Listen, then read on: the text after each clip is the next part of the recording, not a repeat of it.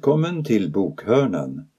Örjan Bäckryd läser ur Emanuel Bäckryds bok Tro, 12 saker kristna är övertygade om. Boken är utgiven på Libris förlag. Vi fortsätter läsningen av kapitel 2. Uppenbarelsens nödvändighet. Eftersom vi lever i exil har vi behov av en kommunikationsradio. Vi behöver ha kontakt med Gud själv. Men i vårt nuvarande tillstånd är det viktigaste av allt Gud onåbar för oss. Grundförutsättningen för att vi ska kunna veta något om Gud är alltså att han uppenbarar sig. Gud är den helt och hållet annorlunda, den vars väsen vi aldrig kommer att kunna greppa fullt ut. I oss själva kan vi inte veta något om honom. Den mest fullkomliga uppenbarelsen är Jesus själv, eftersom Gud, Sonen, inkarnerades, det vill säga blev människa. Genom att se på Jesus ser vi Gud. Jesus är Guds budskap om sig själv. Han är Guds ord. Och ordet blev människa och bodde bland oss och vi såg hans härlighet, läser vi i början av Johannesevangeliet. Eftersom vår kännedom av ordet kommer via Nya testamentet följer att det skrivna ord måste vara tillförlitliga. Annars har vi ingen sann kunskap om ordet. Den kristna kyrkans vittnesbörd genom århundraden ända in i våra dagar är att de orden är sanna. Det var inte några skickligt hopdiktade sagor jag byggde på när jag för er förkunnade vår Herre Jesu Kristi makt och hans ankomst, utan jag hade med egna ögon sett honom i hans majestät, kan vi läsa i Andra Petrusbrevet. Och Första Johannesbrevet säger det vi har hört, det vi har sett med egna ögon, det vi har skådat och tagit på med våra händer, det är vårt ärende. De troende hade hört, sett och tagit på Jesus och kommit till insikt om att han var Guds ord. Deras vittnesbörd i Nya testamentet och även i Gamla testamentet har ofta kallats för inspirerat av Gud, auktoritativt och ofelbart. Låt oss först tala om inspiration. Paulus säger att varje bok i skriften är inspirerad av Gud. Bokstavligen säger han att dessa skrifter är gudsutandade. Gud har sett till att dessa mänskliga ord är bärare av Guds andedräkt. Det innebär inte att texterna inte ska studeras i sina historiska och kulturella sammanhang. Tvärtom, Bibelns ord är mänskliga ord och kan därför studeras som sådana. Men samtidigt tror de kristna att Gud på ett förunderligt sätt funnits och finns närvarande i dessa ord. Skriften är Guds ord. Orden kommer ytterst från honom själv. Låt oss tala om auktoritet. Eftersom skriften är Guds ord har den auktoritet. Auktoriteten är den kraft eller tyngd som skriften besitter, skriver teologen John Stott. Bibelns ord väger tungt. Ingen kyrkoledare, politiker eller religiös nydanare kan därför omdefiniera den kristna tron. Tron är vad den är, oavsett vad vi tycker om det. Det är därför jag i inledningen skrev att jag inte försöker vara originell. Jag försöker återge trons innehåll sådant det är, alltid har varit och alltid kommer att vara, oberoende av mig. Det jag skriver färgas självklart av vem jag är, av min personlighet, mina teologiska ställningstaganden och så vidare. Men min strävan är inte att vara originell utan att vara trogen. Det handlar helt enkelt om ödmjukhet. Vem är jag att jag skulle omdefiniera vad kristen tro handlar om? Tron fanns långt före mig och kommer att finnas långt efter min död det står varje människa fritt att formulera en egen originell livsåskådning, men då ska man inte kalla det för kristen tro. Det är inte intellektuellt hederligt. Begreppet villolära handlar inte om intolerans eller makt i första hand. Att definiera ett budskap som heretiskt är helt enkelt att säga att en viss åskådning avviker från grundläggande kristen tro. Låt oss tala om ofelbarhet. Det här är en mycket kontroversiell punkt och vi ska inte uppehålla oss länge vid den. Om Bibeln är Guds inspirerade ord är det trovärdigt och det har auktoritet. Det torde de allra flesta kristna vara överens om. Men är det ofelbart? Innehåller Bibeln fel? Personligen tvekar jag inte att tala om Bibeln som ofelbar, men frågan är naturligtvis vad man menar med det. Vilken betydelse lägger man i begreppet ofelbarhet?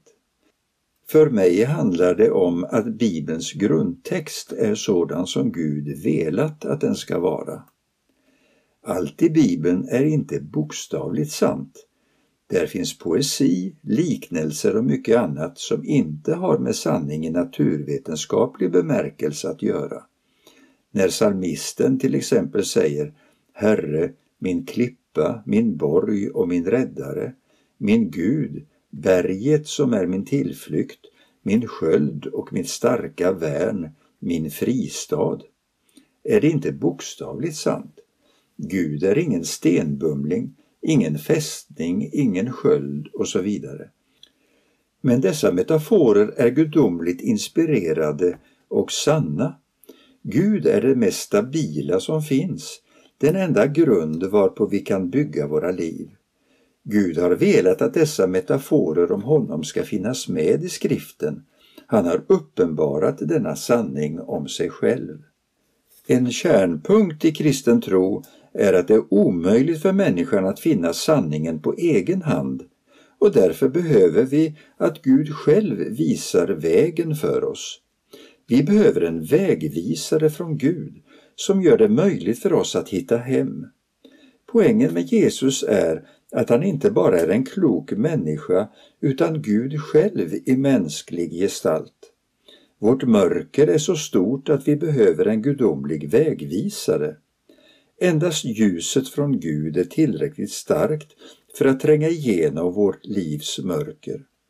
En religion som lämnar människan åt sitt öde och säger åt henne ”sök” hjälper inte speciellt mycket. Vi behöver någon som kan öppna våra ögon så att vi ser. Denne någon heter, enligt kristen tro, Jesus Kristus. Han är det sanna ljuset som har kommit i världen för att vi ska kunna se. Utan ljus finns ingen möjlighet att hitta fram. Kapitel 3 Vi färdas i grupp När jag var utbytesstudent i England passade jag på att fotvandra ensam några dagar längs kusten i norra Devon och Cornwall. Bland annat besökte jag slottsruinen i Tintagel varifrån myten om kung Arthur härstammar. Kustlandskapet är bedårande vackert, ödsligt med undantag för en fiskeby här och där. Efter en hektisk period på universitetet var det skönt att få vara ensam ett tag. Jag hade ett litet enmanstält med mig och sov några nätter på ett stenkasts avstånd från de mäktiga klippor som lodrätt störtar sig ned i havet. Det var rofyllt och jag njöt av all denna ensamhet. Det var underbart att få tid att reflektera under långa vandringar med utsikt över ett vilt hav. Efter någon vecka fick jag dock nog. Jag hade sökt mig till ensamheten och var glad över den, men nu fick det räcka. Jag törstade helt plötsligt efter gemenskap. Till och med för mig som är rätt mycket av en ensamvarg blev ensamheten för tung att bära. Jag hade behövt några goda vänner för att kunna fortsätta min resa. Jag avbröt den i förtid. Man kan resa på egen hand eller i grupp. I vår tid väljer vi oftast att resa ensamma genom andlighetens landskap. När det gäller de riktigt stora frågorna om liv och död, mening och andlighet är vi utlämnade åt oss själva. I vår västerländska kultur anses religion nämligen ha med privatsfären att göra. Därför pratar man ibland om privatreligiositet. Trosfrågorna har individualiserats och internaliserats, det vill säga reducerats till privata frågor och inre skeenden. Religion är vad jag väljer att göra med min ensamhet. Vi vill välja rutten på egen hand utan att behöva ta hänsyn till vare sig medvandrare eller eventuella vägvisare. Vi vill klara oss själva. Den kristna tron utmanar vår individualism.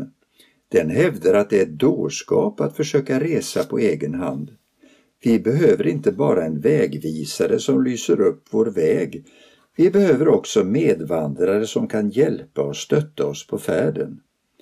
Kristen tro är inget för självtillräckliga stroppar.